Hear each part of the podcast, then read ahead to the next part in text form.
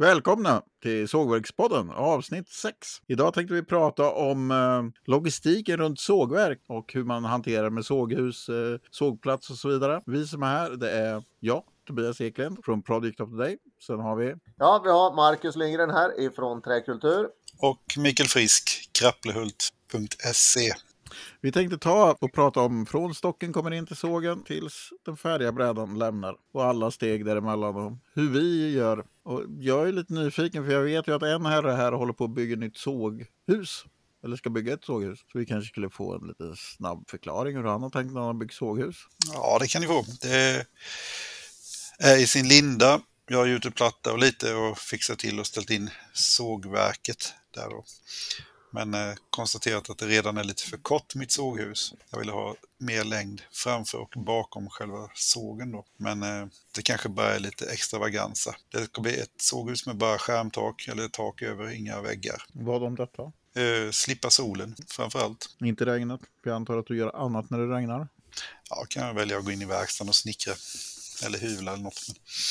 Jag har inget emot regn heller, men det, solen kan ju bli rätt... Ja, det är jobbigt på höglandet. Ja, jag har ju inte något såghus, men jag har ju en rad med tjocka lövträd så jag står i skuggan och sågar. Det är ju en billigare variant. Fast jag saknar tak ibland också. Mm. Men det är väldigt skönt att stå i t-shirt och såga ute. Ja, men jag har ju tänkt linjärt om man säger i sågandet. Inlastning av timret i centrum på huset. Sen eh, sågytor, bakarna då ska dras åt ena hållet och de färdiga brädorna åt andra hållet i sågens längdriktning. Och det är fack då på var sida eller var ända av sågen där man ska kunna komma in med lastmaskinen och pallgafflarna och lyfta ut. Mm. Sågbakar ena änden och färdigt virke i den andra. Men har du på din såg att den drar tillbaka varje bräda själv eller? Eh, Jag har den möjligheten, ja. Men brädorna vill jag inte dra bakåt utan det blir när jag tar sågytorna där Mm. som eh, jag använder de armarna och skickar bak dem. Det är rätt tunga sågytor också på löv så då har jag ett bord som de ska landa på bakom sågen Mm. där med en liten rulle så man kan väga dem också och lägga in dem i ett fack. Och där stålbandar vi också alla paket med sågytor och sågbakar. Och vad gör du med dem sen då? De eh, ställer vi upp i ett upplag. Buntas i ungefär två kubik i varje. Så det smidigt att hantera. Så tar man av banden antingen flisar man det eller så säljer vi det som ved också. Det är rätt hanterbart. Ja, jag vet ju också att du har ju lagt ut, gjort märken i betongen för strö så att du alltid lägger strön på, börjar på samma ställe varje gång. Och, Ja, de märkena hänger med hela vägen. Vi travar ju kanske tre, fyra paket högt också då för att få... Vi har inte jättemycket plats på sågplanen heller utan man får trava lite på höjden då. Och sen så stämmer det också med de underliggarna som finns på vagnen då inne i taken så att det ska stämma hela vägen igenom.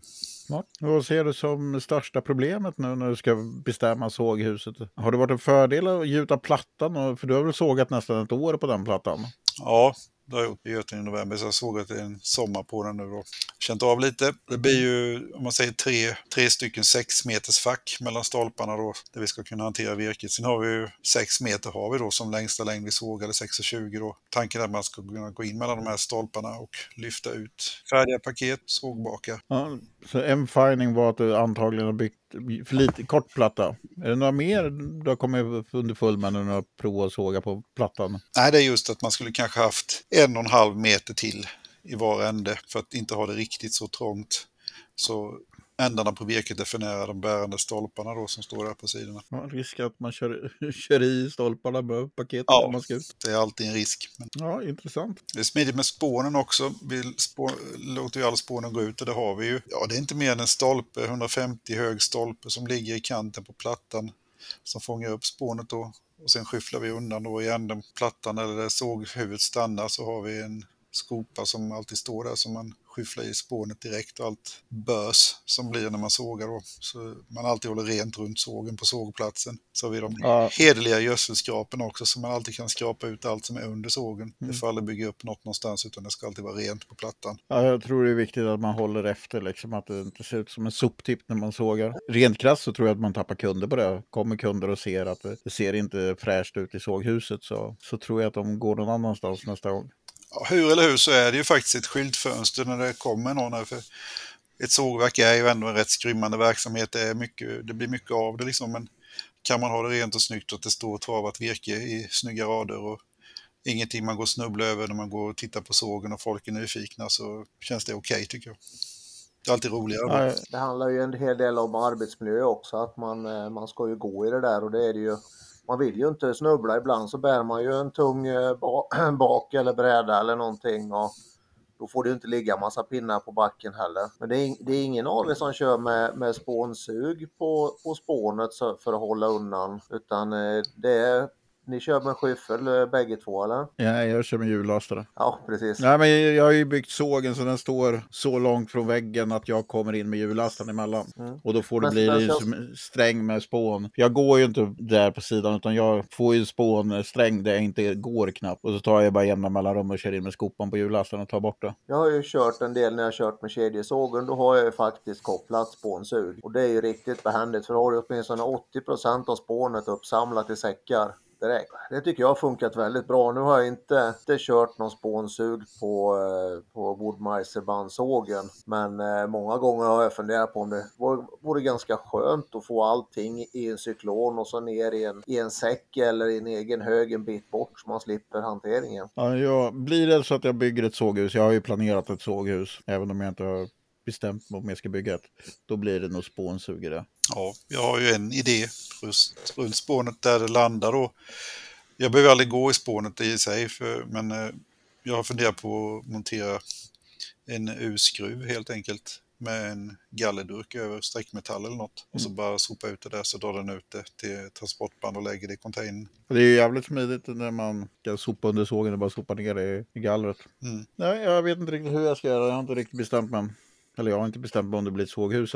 Det är må många val man måste göra. Just nu så står jag utomhus och sågar och har in- ingen direkt plan på något, på något såghus. Så Jag har ju min såg, eller alla mina sågar mobila också så att jag flyttar ju runt dem och det är väldigt behändigt att eh, plocka bort sågen och sen bara tar man en hjullastare och skottar av planen så ställer man tillbaka sågen. Då är det ju helt soprent och man slipper ha massa ben och grejer och skotta runt. Ja, det, det, jag tycker det är svårt det där om man ska bygga såghus eller inte. Kör ju mycket kurser och då måste man ju ha liksom så att man alla kan stå i ett såghus om det är dåligt väder. Då skulle det vara jättebra. Men samtidigt när det är fint väder så är det ju helt jättegött att ha utan såghus. Så jag har varit lite inne på med en sån här stor utrullbar markis som man kan ha vid dåligt väder och kurser som täcker det liksom som ett såghus ungefär. Och så bara veva in den när man vill liksom ha fint väder. Jag vet inte om det är en bra lösning eller inte. Det blir väl tufft för dig med såghus i och med att du har så många sågverk också. Så det är just det här med logistiken att ta in timmer och få ut brädor och grejer. En sak om man har en sågbänk som man behöver ta in timmer på ett ställe, kan såga det så ut med allting på ett, på ett annat. Då är det som enklare att bygga såghus. Ja, men här skulle det bli ett såghus för två sågverk blir det nog. Resten blir ute. Det stora sågverket skulle vara helt inbyggt i sågverket, eller såghus i sådana fall. Och en bandsåg när den är parkerad står i såghuset och så när man sågar med den så kör man liksom ut ur såghuset. var min plan. Jag, vet, jag jag sitter just nu i valet och kvalet på om jag ska bygga om lite för att kunna öka volymen på sågandet jag gör idag. För nu är ju allt fokuserat runt kurser och inte optimerat för att såga någon volym. Så jag är lite fundersam på att göra om på sågplan då så jag ska kunna göra ungefär som Mikael har gjort då att man får ut bakarna på ena sidan och brädorna på andra sidan. Och... Men det är svårt när man har en liten plats och fem sågverk. Det är lättare för oss som bara har ett sågverk. Fast deras sågverk är större. Nej, det är de kanske inte. Nej, det vet jag inte. LT70 är ju rätt stor i och för sig, men jag tycker det där ösandet av spån är inget bekymmer liksom för att jag har en kille då som jobbar hos mig hela tiden och jag sågar och han väntar på att det ska komma en färdig planka eller något och då tar han ett tag med skyffeln så det, det är ju alltid rent där så det, det är liksom ett tag med skyffeln hela tiden så är det färdigt. Det, det sker löpande så det, det är väl liksom inget Jag sågar ju med radiokontroll också, där det är fjärrstyrt, så jag behöver aldrig gå med såghuvudet och trampa i spånen heller. Ja, jag har inte haft några stora problem heller det sista för jag har en hästägare som jag bara behöver ringa till så är högen borta innan nästa dag. Så att om han kommer på, säger åt honom att han får komma på kvällen så skottar han upp allt, allt spån som finns och sen sopar de av sågen för att ta det sista. Så att eh, jag, jag har väl ganska rent också men det ska jag bygga ett såghus då skulle jag nog ha en, en spånsug. Eh, men jag såg ju, plockar ju väldigt mycket timmer så då är ju hanteringen av timmerblocken är ju ganska väsentlig del. Så jag har ju ett eh, ganska långt rullbord, det är väl en fem och en halv meter som jag ställer som förlängning av sågen för att få bort blocken ifrån sågen så fort som möjligt för att kunna ta upp nästa. Det är också olika hur man, eh, om man sågar för någonting, hur man behöver få undan bräder, timmerblock och bakar. De mesta bakar och, och bräder kan man ju kan man ju bära undan. Men ett timmerblock på ja, mellan 4 och 6 meter, man bär ju dem inte utan då måste man ju hantera det så att man kan rulla ut det och dra ner dem på någon, någonting som man kan trava upp och ströa och sen ha en, eh, en truck eller en traktor att bära undan med. Så jag, jag har löst det med ett, ett rullbord. Ja, jag såg ju mycket slabs och då är det ju, och själv, så då är det ju ofta att man kör fram hjulastar med gafflarna och så drar man ju av varje skiva ner på gafflarna och då kör det iväg direkt. Slabs är ju oftast inget man hanterar med mankraft, liksom. de är ju för tunga och otympliga. Det, ja. Man ställer ju in till pallgafflarna och skjuter av den här slabban från blocket. Och bara. Mm, det är ju fördelen ni som kör LT70 då, att ni har en öppen sida. Pallgafflarna kan stå kvar. Ja. Jag får ju köra fram och tillbaka mellan varje slabb. Jo, men äv även slabbarna kör jag ju på, på rullarna. Jag viker upp rullarna på sågen. Jag har ju rullar som eh, topplyft, en fram och bak. Och sen har jag rullarna på rullbordet i samma höjd så att jag rullar ut allting det går väldigt fort att få undan det. Då behöver man inte stå och vänta på, på en maskin utan man knuffar undan eh, släben eller timmerblocket framåt bara. Mm. Jag brukar såga fyra tvåtums slabs innan jag lyfter av och så lyfter jag av dem och så sågar jag fyra till. För det är vad jag får in på sågen, så får jag in fyra stycken tvåtummare. Innan det tar i uppåt ja. ja. Det är väl inga av er som är ute just och hugger i skogen själva längre antar jag eller? Det händer. Kör du ja, hem själv också eller? Ja, eller så lejer jag grannen, men eh, jag hugger gärna själv, det gör jag. Om man ska såga fura och sånt här. Så här det man kan hämta egen skog, det hugger jag ju själv. Men när då kommer någon kör hem det, eller ni själva kör hem hur har ni liksom löst det med avlägg runt sågen och så? Jag har ett avlägg utanför sågplattan där då. Det kan väl vara, kan det vara 30, 30 meter långt och sex meter brett någonting så jag, får ju plats med rätt mycket timmer där då. Sen mm. har jag ett litet avlägg till som står i 90 grader mot det. Man, när det kommer hem lastbilar med virke och sånt så att de kan lägga av sina stuvar där. Eh, har ni ett stockbord till kopplat till sågen eller? Nej, jag har en vandring eller balkar då som jag rullar fram stocken på till stocklyften. Sen när det kommer lastbilar på nätterna eller sånt där lastar av virke så ligger det ju inte sorterat topprot heller utan det är rätt mycket virke vi vänder för jag vill alltid egentligen ha toppsidan mot mig när jag börjar sågningen. Men vad lastar du med? Du kör med traktor? Nej, jag har en eh, fyrhjulsstyrd liten lastare med teleskoparm. Mm. Så jag räcker in och lägger stockar på sågbänken direkt från kanten på plattan också. Jag har 5 och 20 utskjut tror jag någonting på den där. Ja, det är framförallt väldigt gott när du ska lyfta av om du sågar slab som du ska lyfta av direkt på den. Ja. Och Marcus, hur gör du då? Ja, alltså nu har jag ju bara valkar på, på backen till bandsågen. Ofta så kommer det med timmerbil och då Ibland ber jag honom lägga rotändan åt rätt håll, ibland så kör vi ändå bara som det blir. Under den tiden som jag sågade mestadels på eh, Logosolen, eh, kedjesågen, då hade jag ett eh, ganska rejält stockbord. Man får ju ha det lite högre för att eh, det ska vara enkelt att rulla på stockarna där. Men så hade jag rullar sista halvmetern framför eh, sågbänken.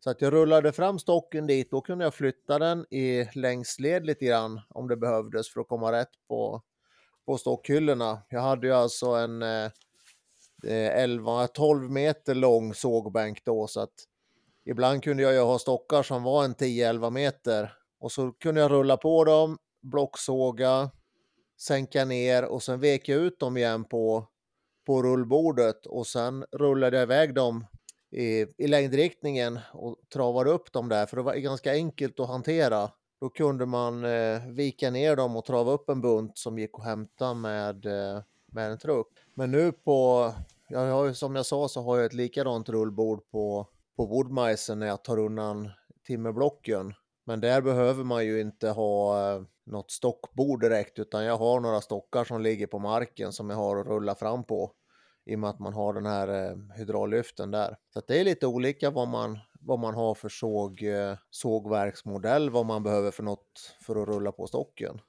Men du har stocklyftare på din också? På Woodmeister Ja, ja. Jo, jag har hydraulisk stocklyftare ja. på, på Woodmeister, det har jag. Ja, jag på solosågarna så har jag ju stockbord ligger så det bara rulla på. Men bandsågarna så lyfter jag på idag med hjullastaren med grip med rotor på. Så går rätt smidigt i och med att jag då står så pass att det är svårt med stockbord. Men jag kommer ändra lite grann ganska snart, men det får bli ett annat poddavsnitt så då tänkte jag inte berätta vad jag tänkte ändra på idag. Det blir ett avsnitt längre fram ska jag prata om det. Så, så jag kommer bygga om lite grann hur det blir runt min såg, men det är som sagt var till ett annat avsnitt. Ja, för det är de här eh, bandsågarna där du har två rälser som eh, såghuvudet går på. Då måste du nästan ha någonting du kan vika ner för att rulla på stocken. Eller vad, vad funkar smidigast Ja, där Tobias, du som har sågat mycket på den där? Jag brukar ju be när jag åker ut till kunder och så att de har gör ett stockbord och då gör man ju precis som du säger att man då brukar de lägga upp eh, några pallar, lastpallar på varandra och sen ha överliggande stock som man rullar på. Och sen har man eh, ja, bara en vanlig 4 tum 4 och lägger ner mellan stockbord och såg och rullar över stocken på så man bara flyttar tillbaka sen. För det är rätt skönt när man kommer ut till folk om de har gjort ett stockbord bredvid sågen för att många är ju ganska mindre vana att lyfta timmer. Så det blir mycket hårda smällar i sågen annars om de ska lägga på direkt på sågen. Så då är ett stockbord att föredra som man kan rulla på. Och så kan de skramla på stockarna bäst de vill på stockbordet. Men sen har man ju vissa, de är ju som är jätteduktiga på att köra maskin och då brukar det gå fortare bara lägga, att de lägger det rakt på.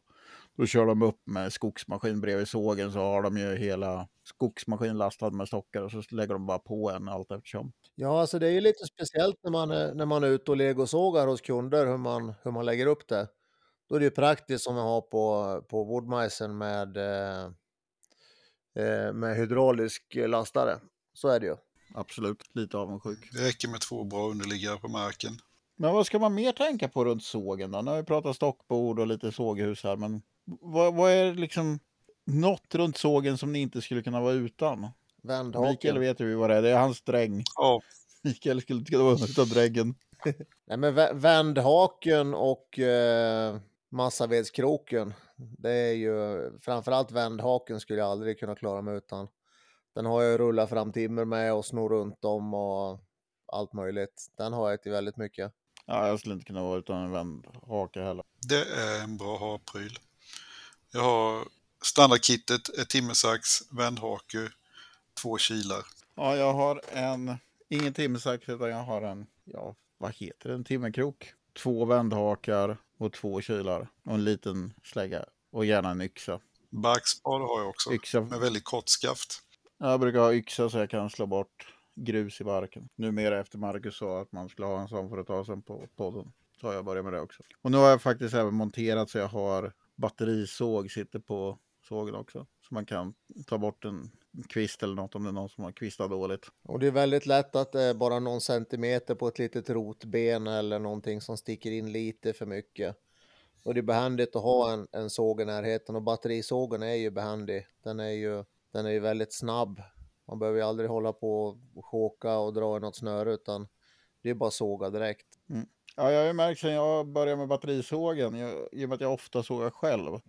Så när man sågar tung, stora löv så brukar jag faktiskt eh, dela bakarna i två för att det ska vara lättare att hantera för mig som liksom flyttar runt dem. Nu när man har batterisåg och inte börjar rycka igång den för varje kapning. Så det har varit faktiskt ett jättelyft att skaffa batterisåg. Mikael ser skeptisk ut till batterisåg. Nej, inte alls.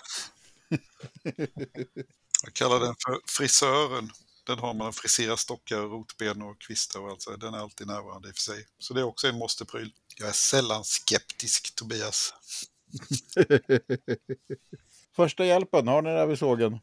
Yes, Ja, inte långt ifrån i alla fall. Jag har alltid med mig en stor förbandslåda när jag är ute och sågar hos kund. Mm. Ja, framförallt när man har det är kund, då har jag alltid en, en rejäl väska i bilen. Ja, jag har det hemma också faktiskt. Där, som jag ofta tar fram när jag sågar. Även om jag sågar själv. Har ni gjort er illa på sågen någon gång då? Det är en tolkningsfråga. lite Ja, men tappade alltså, har ni- naglar och sådär. Jag, Ja. jag krossade handen för några år sedan, det gjorde jag. Jag har tappat gängstockar på foten faktiskt några gånger. Och så träffar de alltid långt upp på vristen så stålhättan hjälper inte. Marcus då? Ja, jag sitter och funderar. Det är inte så ofta jag har, eh, har gjort mig illa. Eh, det, värsta min, eller eh, klantigaste jag gjort, det var när jag skulle vika ihop ett bandsågsblad, eh, folda ihop det och vekte lite grann åt fel håll så jag slog med bandryggen över näsan. Men då lärde jag mig åt vilket håll jag ska vika banden i alla fall. Det har jag också en sån. Jag skrotade ett par glasögon plus två, ett jack över näsan och i pannan.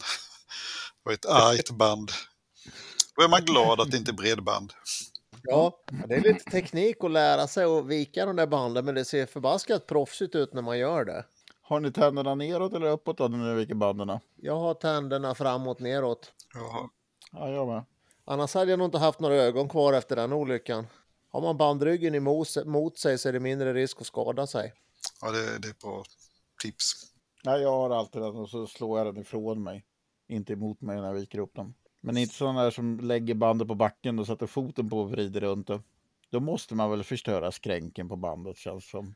Jag sätter, jag sätter bandet uppe på Jag sätter det Foten stålhätt i kanten. med-. Med tänderna emot eh, tå, stålhättan och sen, sen viker jag ner bandet om man säger emot mig. Det finns ju många Jag olika. brukar bara hålla det. Jag håller det bara i händerna liksom och slår ner det. Ja, men du har ju lite tunnare band än vad vi har. Vi har ju lite bredare band än vad du har Tobias. Och lite tjockare framförallt. Lite tjockare ja. Ni kör väl inte, det är inte så stor skillnad på bredden men ni är lite, lite tjockare band. Lite tjockare ja. Mm. Jag har ju lite för lite motor för att köra med tjockare band. Det kräver ju lite mer motorstyrka. Ja, konstigt nog. Man tycker de skulle snurra lika lätt, men Ja, det går åt Det är mer energi böja. det runt. Det är ganska stor skillnad faktiskt på böj, böjenergin över hjulen. generellt så är ju bandsågarna av de modellerna som vi använder väldigt säkra. Det är, det är svårt att åka ut för typ klassiska sågolyckor, såga fingrar och ben av sig. Liksom det, det är inte lätt. Då får man ju nästan jobba lite på det. Ja, Jag vet, förstår inte riktigt hur man ska, i alla fall inte på sig själv. Sen om man har någon hjälpsågare som är klantig, det, det är ju svårare att styra över. Men Det enda otäcka är ju bandbotten. Ja, där får man ju akta sig lite grann. Det smäller ju ganska duktigt i sågen när man, när man skjuter av ett band. Men det är ju att man får noggrann med när man har folk som kommer och tittar, att man har den där säkerhetszonen. Så man inte har folk som går eh, för nära och jag har ju skjutit ut den genom spånröret några gånger. Det är ganska bra fart på ett band när det släpper. japp. Kollar ni bandhastigheten någon gång? Skiljer det mycket på sågarna? Jag, jag är ju sådär nördig så jag har ju en mätare så jag, jag mäter och kollar. Jag, jag hör när det går bra. Ja, men det är det, jag gillar ju att jämföra sågverk och då vill man ju se att de håller den bandhastigheten de ska göra. Och det skiljer ju sågar med lite för klen motor på många gånger så har de ju växlat ner den så det ska bli lite mer ork. Men då blir det ju på kostnad av bandhastigheten. Ja, jag har fått för mig att det är då, när det går lite långsamt, som de hinner göra de här konstiga sakerna, dyka i virket. Det blir, det blir alltså vågigare när det, när det går för sakta. Jag hade det problemet, det blev lite glapp i gasreglaget i sågen. Jag märkte inte, det kom smygande, jag tappade hastighet. Och sen helt plötsligt stod jag och handlirade lite där uppe på reglaget. Och kom upp till ett varv som jag kände, där var det nog när sågen var ny. Och det var rätt stor skillnad. Ja, ibland hade jag önskat att man hade en varvräknare på sågen så man enkelt kunde se vilket va- motorvarv man ligger på.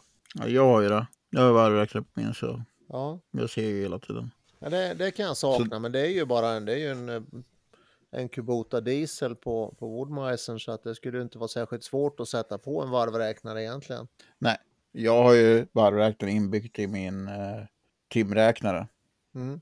Nej, man ser ju direkt när varvet sjunker av någon anledning. Kan vara svårt att höra liksom om den sjunker med 300-400 varv. Ja, sen vet jag inte riktigt vad som är optimalt heller i och med att eh, man kan ju justera lite grann på varvet på motorn Mm. hur, eh, hur hårt man vill köra. Men det är väl lite olika på olika bandtillverkare även om de är i stort sett samma. Nu kommer inte jag ihåg siffran i huvudet men Jag märker i alla fall att det är högre bandhastighet på den eldrivna än vad jag hade på den dieseldrivna. Det är några hundra varv alltså. Okej. Ja, Det gör ju lite grann på sågeffektiviteten också. ja, det gör det. ja, och det är, ju- det är viktigt att man får rätt bandhastighet. För att det ska, precis som du säger, att det ska skära bra.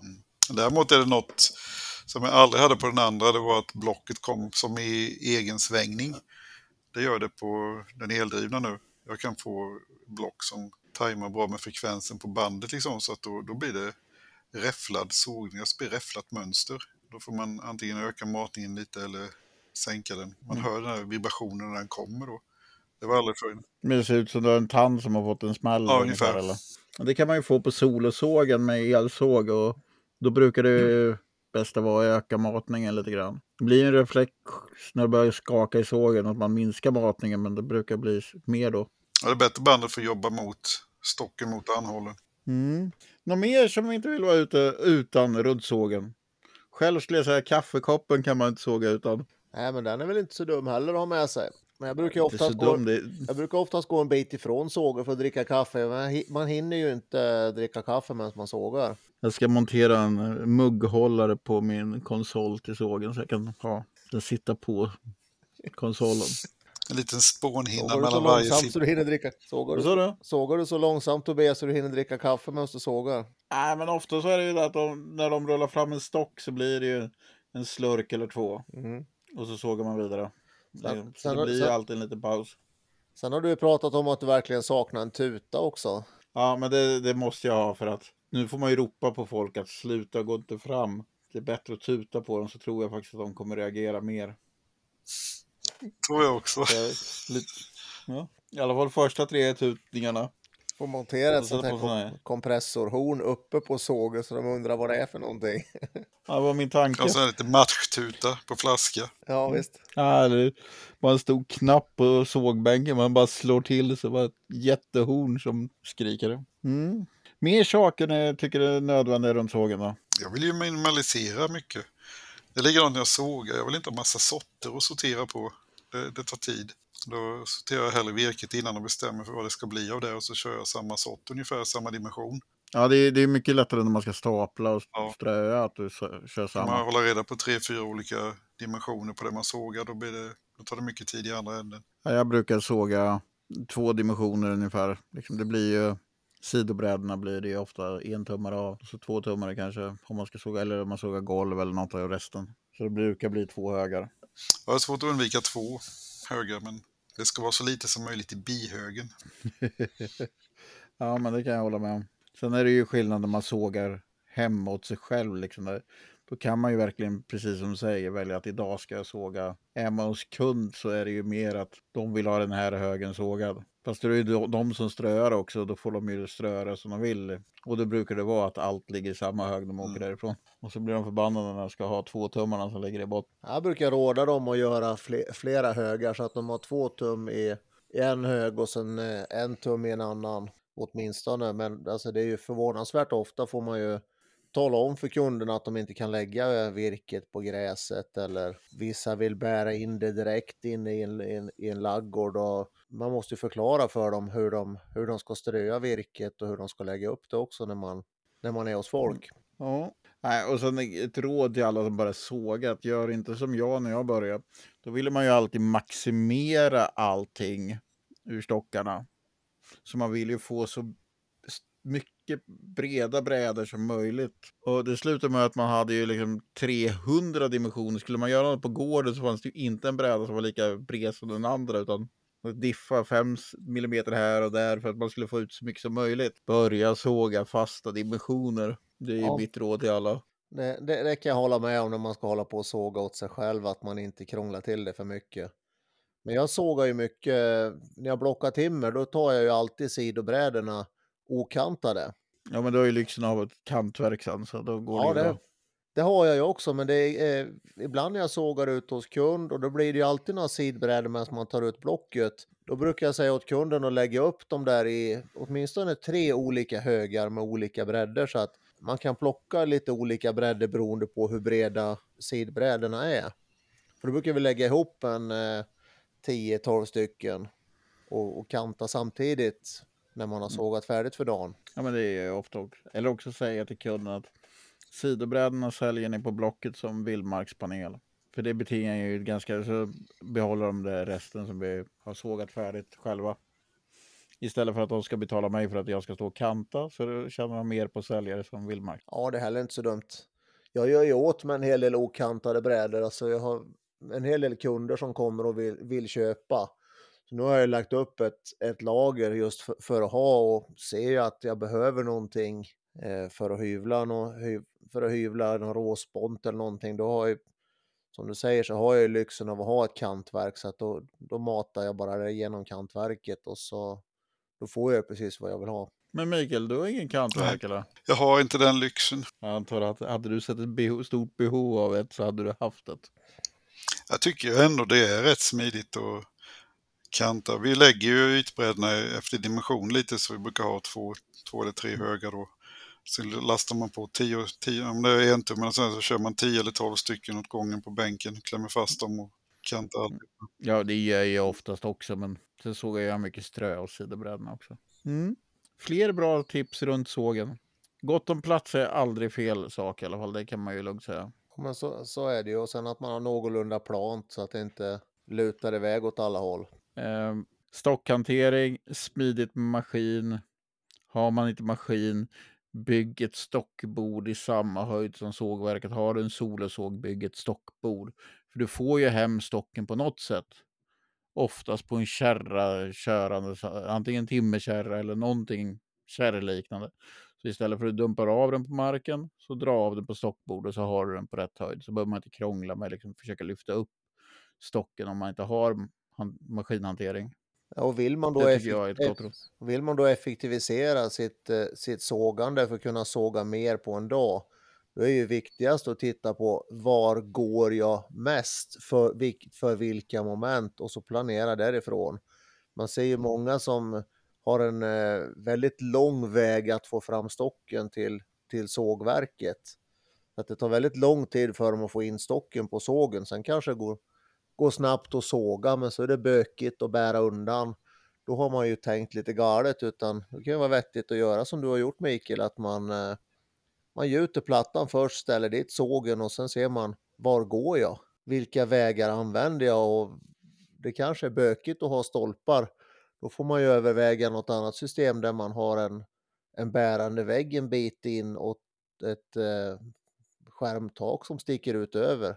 Jag har sett flera som har byggt sådana såghus och det verkar ju väldigt praktiskt. Ja, jag, nu är jag nog redan inne på att ha rätt långt utstick på taket på ena sidan så man har en yta var under utanför själva såghuset också. Mm. Så man inte låser några stolpar.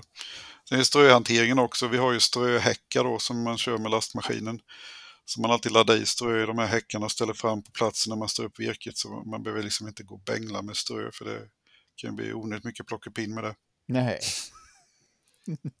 Jag tycker inte man gör annat än såga strö, strö, strö, strö, strö. Man har en pall efter hyvlen. När man hyvlar och plockar ner paketerna så fyller man på den. Vi har ju vanliga lastpallar med sidostötter på. Så tar man en sån där pall, så det är nog 20 högt. Man får i rätt många strö på en pall. Ja, det är problemet att jag sågar ju mer än vad jag gör av med. Så jag kör in, låter det lufttorka ut och sen kör jag in och ställer i travar i lada. Så då får man ju aldrig tillbaka de ströna. Jag skickar aldrig med strö när jag legosågar.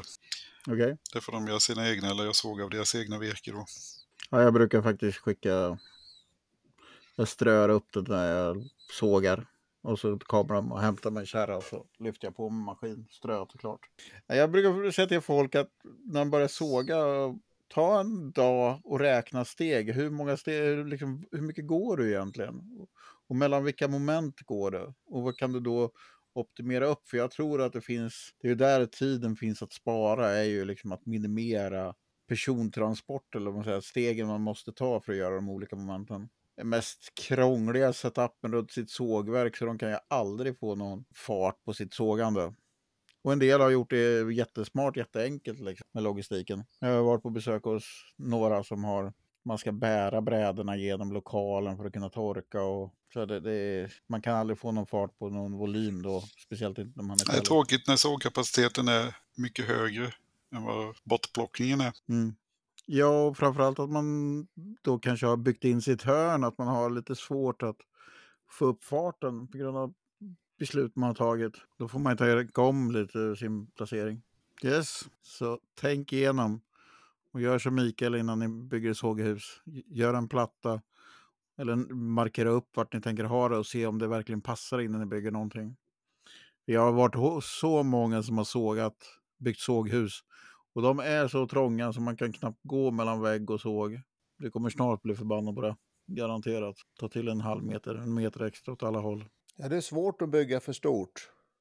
Ja, det är bara lite dyrare. Ja, precis. Ja, men sågar du virket själv så blir det inte så mycket dyrare. Nej, men så är det ju. Mm. Ska vi vara nöjda där för nu börjar Marcus bli trött tror jag. Det var skrakholk. Har ni några frågor ni vill ställa till oss, skicka till ett mejl till... Det var en jobbig mejladress. Ta den långsamt. Ja, Har ni några frågor ni vill ställa till oss, skicka ett mejl till sagverkspodden snabla productoftoday.se. Den står även med i beskrivningen till det här avsnittet. Så mejla gärna allt möjligt så tar vi upp det i ett avsnitt längre fram. Till nästa gång, ha det gott! Såga lugnt. Ta det piano.